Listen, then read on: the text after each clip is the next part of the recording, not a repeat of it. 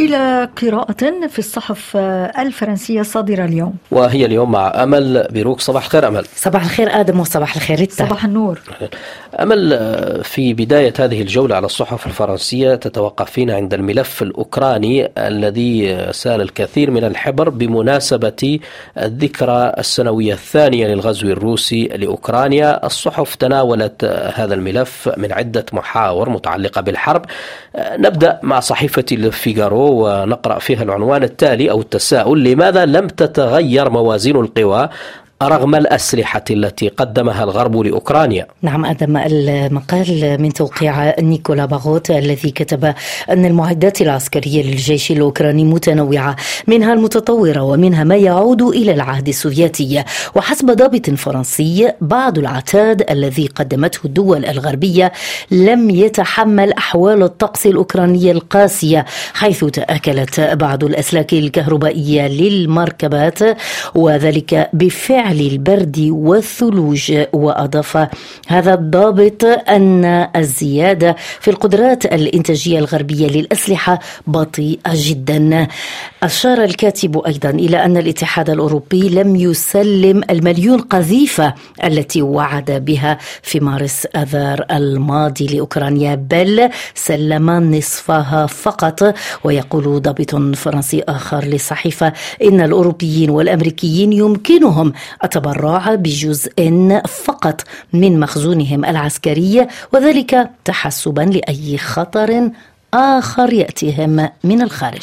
صحيفة لوموند نشرت مقالا يشرح كاتبه أسباب عدم تأثر روسيا بالعقوبات الغربية المفروضة عليها. أشار جوليان بويسو في مقاله إلى أن الاقتصاد الروسي لم يتأثر كثيرا بالعقوبات الغربية إذ يرجح أن يشهد الاقتصاد الروسي نموا يقدر ب 2.6% عام 2024 وهو ضعف النمو المسجل العام الماضي. تفيد الصحيفة بأن روسيا تستفيد من صادراتها من الغاز والنفط إلى الصين والهند حيث يتحايل البلدان على العقوبات الغربية بطرق مختلفة مثل عدم مراعاة سعر النفط الروسي الذي حدده الغرب عند 60 دولار للبرميل أو عن طريق إصدار الفواتير عبر شركات وسيطة. وأضاف الكاتب أن تحايل يطال الرقائق الإلكترونية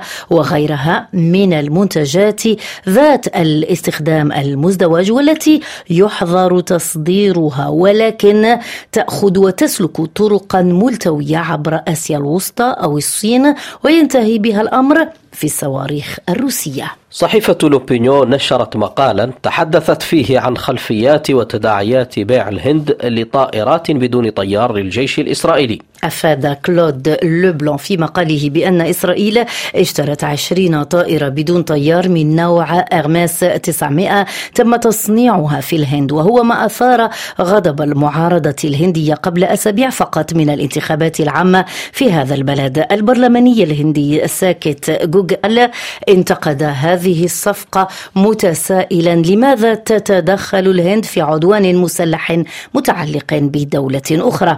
وأشار الكاتب إلى أن اتحاد عمال النقل البحري الهندي قرر عدم المشاركة في تحميل المعدات العسكرية المتجهة إلى إسرائيل. وهذه المواقف حسب الكاتب تعكس عدم ارتياح جزء من الطبقة السياسية الهندية التي طالما دعمت القضية الفلسطينية ولكن بوصول مودي إلى رئاسة الحكومة تبنت نيودلهي سياسة التقارب مع إسرائيل بدافع المصالح والأهداف والدوافع الاستراتيجية والاقتصادية والإيديولوجية يقول كلود لبلون. اقتصاد الضفة الغربية يدفع ثمنا باهظا جراء الحرب في غزة.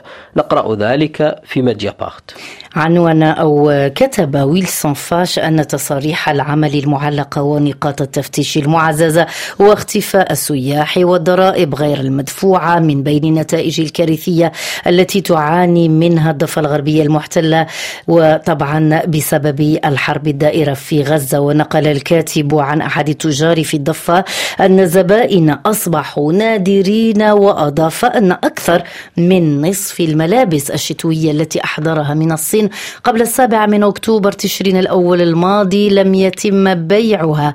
أما إبراهيم فقال إنه فقد محله أثناء غارة للجيش الإسرائيلي على مخيم جنين. أوضح محمد كامل مدير عام غرفة تجارة وصناعة جنين أن نسبة المبيعات انخفضت في جنين بنسبة 80% منذ بداية الحرب بين حماس وإسرائيل في قطاع غزة وهي مرحلة يمكن وصفها بأسوأ أزمة اقتصادية في تاريخ جنين.